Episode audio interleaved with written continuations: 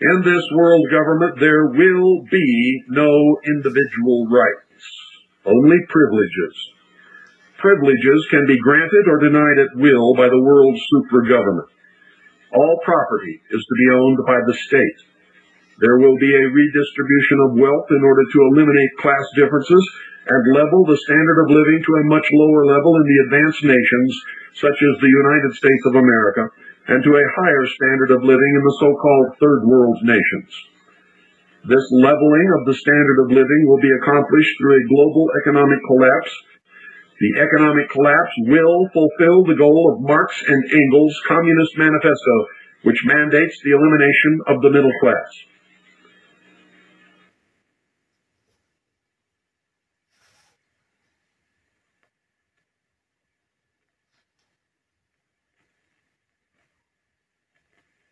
All county and state governments are to be eliminated and replaced with regional governments. And those of you listening who are in county and state and city governments already have felt the pressure to bring this about. These regional governments are in fact already in place. Regionalism is gradually taking control throughout America. There will be no more cash money.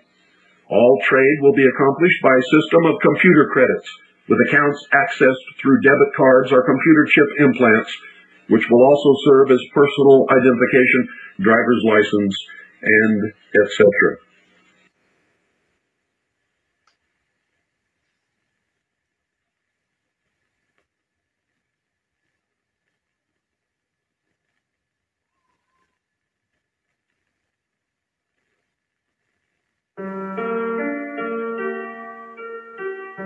Many ages have elapsed since the Egyptian priest king passed through the pillars of Thebes, ages before what they call the sinking of Atlantis, thousands of years before the Christian era.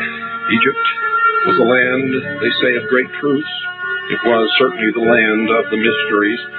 The hand of the great white brotherhood was held out to the empire of the Nile, and the passages of the ancient pyramid resounded with the chants of the initiates. Yes, for they were never built as tombs, but temples of initiation, and it was then that the Pharaoh, now called half human and half divine, reigned in ancient Egypt. Try to picture for a moment the great hall of Luxor, or, if you will, the Luxor Hotel in Las Vegas, Nevada. The great hall of Luxor, its inscriptive columns holding up domes of solid granite, each column carved with the histories of the gods. There, at the upper end of the chamber, sat the Pharaoh of the Nile in his robes of state, around him his counselors, chief among them the priest of the temple. An imposing spectacle it was, the gigantic frame of the later Atlantean, robed in gold and priceless jewels, on his head the crown of the north and south, the double empire of the ancients, on his forehead the coiled serpent of the initiate, the serpent which was raised in the wilderness that all who looked upon it might live. This Uraeus represented the sleeping serpent power in man, which coiled head downward around the tree of life drove him from the garden of the Lord, but which raised upon the cross became the symbol of the Christ in the mysteries. The Pharaoh was an initiate of Scorpio. Scorpio. Another word for Scorpio in the mysteries is Lucifer, and the serpent is the transmuted Scorpio energy, which, working upward in the regenerated individual, is called the Kundalini. The Kundalini. The serpent was the sign of initiation. It meant that within him the serpent had been raised. For the true Pharaoh was a priest of God, which God you will discover as we go.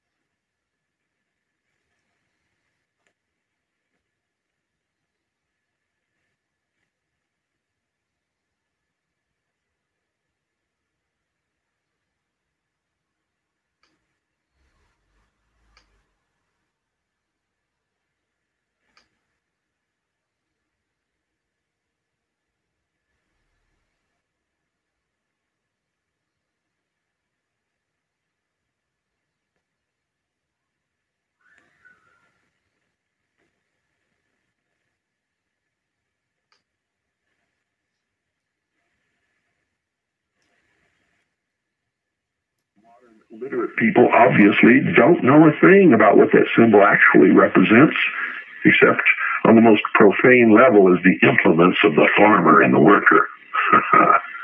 you really believe that? The sickle, ladies and gentlemen, symbolizes Saturn, also known as Kronos, Saturn, or as the Greeks called it, Demiurgos, the operating engineer of the universe, as opposed to the creator of that universe, Satan, Lucifer. In the reign of Saturn, we see exorbitant building and modeling activities, and this is reflected in the Masonic reference to their god as the big builder or architect. And their nickname, the Builders, who erected the Tower of Babel. All this sounds reasonably attractive. Many of us can appreciate magnificent buildings and splendid projects along those lines. But as usual, ladies and gentlemen, there's much more to it than this. You see, that's the exoteric interpretation. Underneath is the truth. How many of you drive Saturns? How many of you drive Mazdas? How many of you even know the origin of those names and what they stand for? This Saturnian Masonic edifice complex, not Oedipus, but edifice complex, ultimately is building against the grain, against nature. What's wrong with that? Well, you'll stick with me and you'll see. At the beginning, in the early eras, nature's forces were manipulated with a knowledge which required the greatest intimacy with her ways, as reflected in the various megalithic structures in the British Isles, Europe, and even ancient America. There's even beauty, simplicity, and power in this early architecture. And modern enthusiasts have mistaken the knowledge and the sensitivity to natural forces intrinsic to this ancient technology as indicative of a positive force at work. But actually, with some crucial exceptions, the rise of the megaliths marked the rise of the Hermetic Academy into its dominant physical phase. The theory is that the megaliths pin down natural forces, helping to subdue nature's most savage furies. We marvel today at the Hoover Dam, but that symbol Latin construction is but a crude parody of the technology of the megaliths which helped to dam the wildest forces of nature. The construction of these megaliths heralded by New Age types as marvels of ancient ingenuity and cooperation with nature are actually the first physical evidence of the end of Eden. Of that period on earth when humanity lived as the servants and friends of God's natural creation as nomads and hunter-gatherers. You see, the great error of modern enthusiasts for what they regard as the magical, Merlinesque, harmonious time of the Druids and Stonehenge in ancient Egypt is ignorance of the fact that the historical period they idolize was itself immersed in a tampering technology and materialism, which essentially marked a revolutionary break. A break. The cutting off the severing of man's relation with the natural order. Well, what is wrong with that, you say? Well, according to John Michell, he said, the first revolution of Olympus marks the first deviation from the primeval ways of men presided over by Cronus, otherwise Saturn. End quote. Saturn is Lucifer, Satan.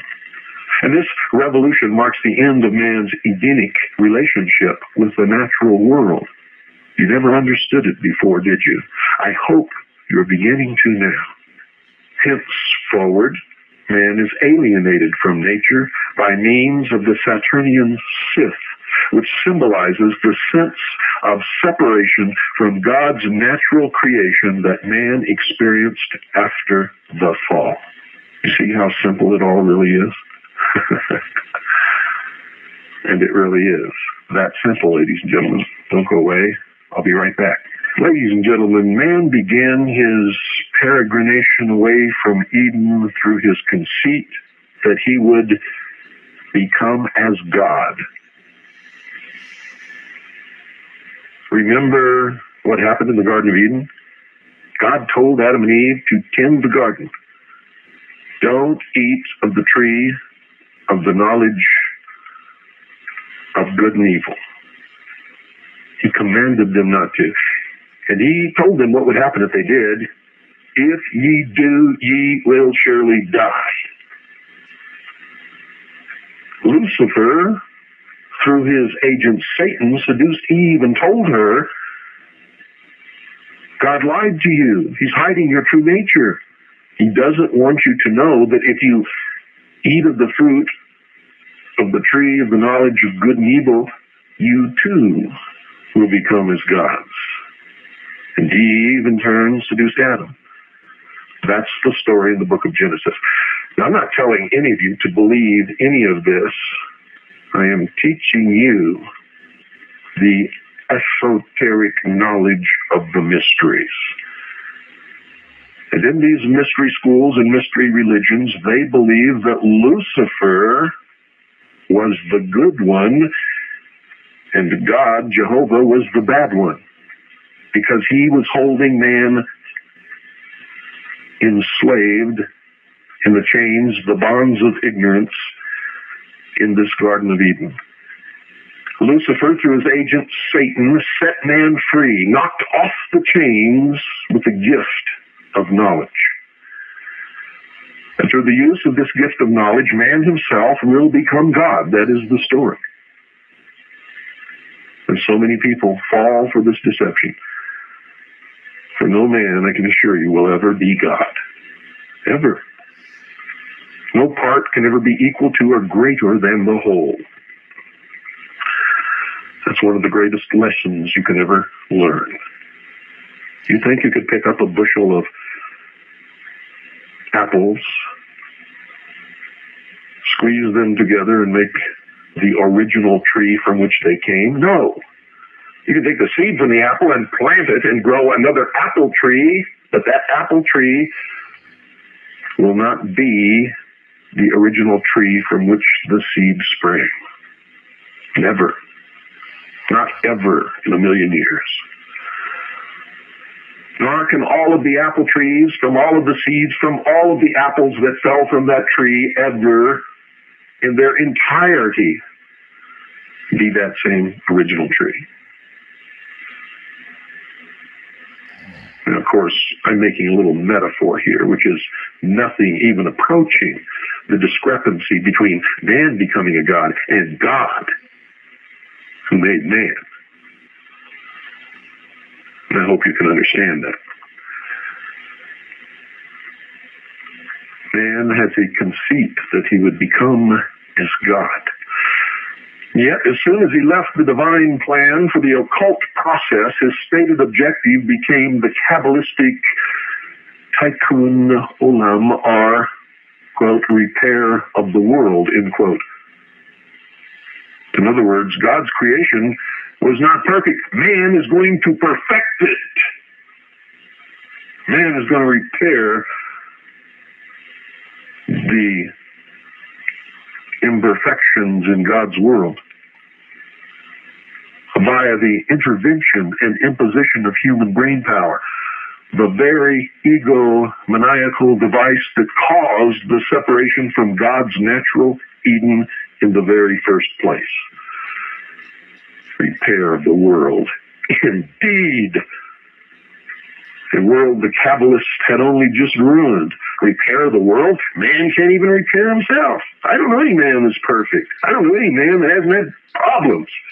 I don't know any man that's not hiding some dastardly secret he doesn't want anybody else to know. I don't know any man who hasn't done wrong to himself or others. Repair the world? Repair yourself first. And I doubt it can be done. It is not the nature of man.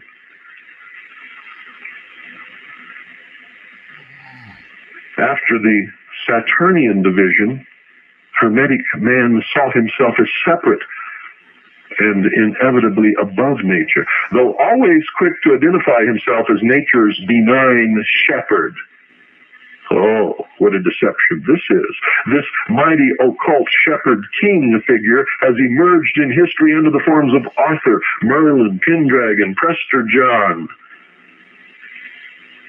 John F. Kennedy, and many others. Is the personification of the manipulation of nature by secret technology on behalf of a secret hierarchy, which, if known at all, is always careful to present itself as the supreme friend of divine creation. Huh. If the expulsion from the Garden of Eden that is to say, the literal alteration of man's circumstance of living solely upon God's bounty and providence was the result of satanic intervention, why has it not dawned on us that civilization is itself satanic? oh, that's a good one to send you to bed with, isn't it? But that's exactly the question that you should be pondering. In the Hermetic Masonic tradition. The secret identity of Satan is the force represented in occult lore as emanating from the star Sirius, the so-called dog star, Canis Major. And in the secret tradition of the Freemasons, Sirius is overwhelmingly identified with a single primary attribute, the bringing of civilization to earth. The heirs of this magical current were saluted by the Illuminist and master alchemist Comenius in his 1668 book entitled The Way of Light. Remember, Lucifer is the fallen angel of light. The book was dedicated to the first scientific organization in Western history, Britain's August Royal Society. In it, Comenius addressed the first formal scientists as, quote, Illuminati, end quote, and outlined their scientific purpose, quote, which is to secure the empire of the human mind over matter, end quote. And I've had so many people call me or write me and deny the very existence of the Illuminati. In a key Rosicrucian description of the city of Utopia, it is shown to be dominated, ladies and gentlemen, by science and mechanics, and more ominously, by the medical dissection of cadavers. In other words, by the hyper-analytical obsession of rationalism with dead matter and measurement. The utopian city of the Rosicrucians is before us today. New York and Los Angeles, Babylon the Great. And it was planned in 1668, long, long before. You see, we have forgotten the depth of the roots of the modern disease. We have accepted the pop pap that anything that predated the more obvious rapacity of modern industrial pollution was natural or magical. The notion of magic being identified with the pristine. Hence, we have denied ourselves knowledge of the beginning of the rise of the cryptocracy. John Michell said, quote, it is their immediate concern, having eaten of the tree of knowledge, to apply all their newly acquired arts to constructing a facsimile of the garden, a model paradise, end quote. But you see, they just don't get it. There was already an architecture prior to man's imposition of his structures and inventions. This was the architecture of the natural landscape as shaped by God. To claim that to have left it as it was would have been barbarous and backward is symptomatic of the diseased occult mind and its gigantic egotistical pathology. I have never in my life seen anything ever built or rendered by the hand of man that ever equaled the absolute breathtaking beauty of the natural scape. As long as it was left as God created, it was paradise. Everybody is looking for the Garden of Eden. Don't you understand? It's all around you. The earth is the Garden of Eden. They were cast out of it. Due to our blindness, we feverishly cooperate with the imposition upon the earth as our own version of Eden, which always ends in the creation of Babylon. Hell on earth. John Michell said again, quote, settlement leads to the establishment of social hierarchies to specialization, the development of arts and sciences, the building of temples and houses. For millions of years, men, essentially the same as we are now, lived without these and presumably without feeling the need for them. Tacitus described a German tribe that lived entirely without artificial shelter the phenomenon of successive towns built around the same sacred place, the spirit of which became the foundation deity, receiving the sacrifices offered in expiation of the crime of settlement and giving the law by which the city was governed.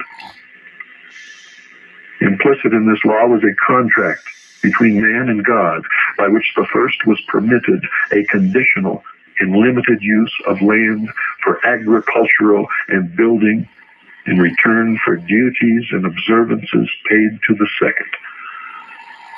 So it was understood by the founding fathers of all of the ancient cities. And the rituals tell you this. But as cities expand, these limitations become more onerous and neglected with the result that, the language of apocalypse, the city becomes Babylon, the parasitic whore, and proceeds toward destruction. In this belief, the traditional element in ancient Rome objected to expansion beyond the original city boundaries, considering it a breach of the foundation contract. Such councils were, of course, ignored, just as they're ignored today, and in consequence, Rome, following the career of all previous empires, became Babylon indeed. Civilization, you see, tends to grow more elaborate and to make ever greater demands on the earth that sustains it. There comes a time when the old natural devotion to the earth is exchanged for the desire to increase the products of the earth by artificially stimulating its fertility. This stage is marked in history by the appearance of sun gods, divinities of reason, intellect, and centralized government whose legends refer always to their victories over dragons, in effect, nature. The dragon is sometimes representative of self. The battle in the mind. When St. George was said to have slain the dragon, he overcame himself. This policy of artificially increasing the earth's fertility and multiplying the gifts of its spirit instead of accepting what is given by nature is evident in the staking of the earth in symbolism, as is seen in the motif of the knight spearing the dragon, which is sometimes viewed as the pinnacle of the victory of light over dark. How many times have you heard Clinton say that? There's a great battle between the forces of light over the forces of darkness.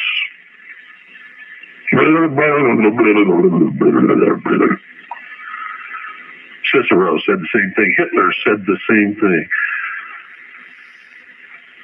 All through history, despots and Babylons have been mouthing the same thing over and over and over again. But ladies and gentlemen, we should also be aware that there is an alternate occult reading of this image. This Arthurian symbol has been celebrated by pagans and Freemasons as a sign of man's usurpation of natural creation. The staking process is seen by them as a means to pin down the heretofore flowing character of the energy of creation so as to be harnessed and bled by Stonehenge-like technology in order to give greater and greater resources to man. The Washington Monument is one such pinning down. It is the phallus of Osiris, the generative force, capturing the creative energy for man's use.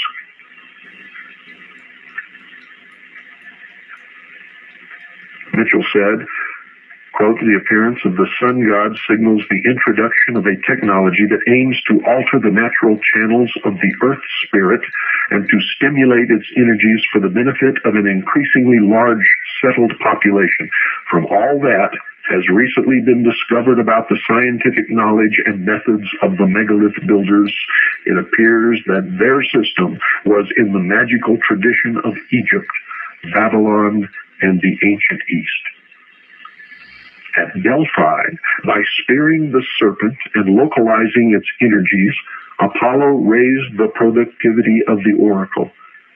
Every ancient standing stone is like the omphalos in the temple of Apollo, driven into the head of the telluric serpent current, fixing and augmenting the earth energies which had formerly fluctuated.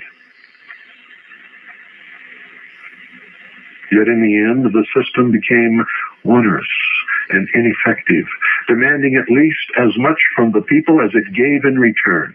Here is revealed the inevitable betrayal by the institutionalized system of technology of the people who have come to depend upon it.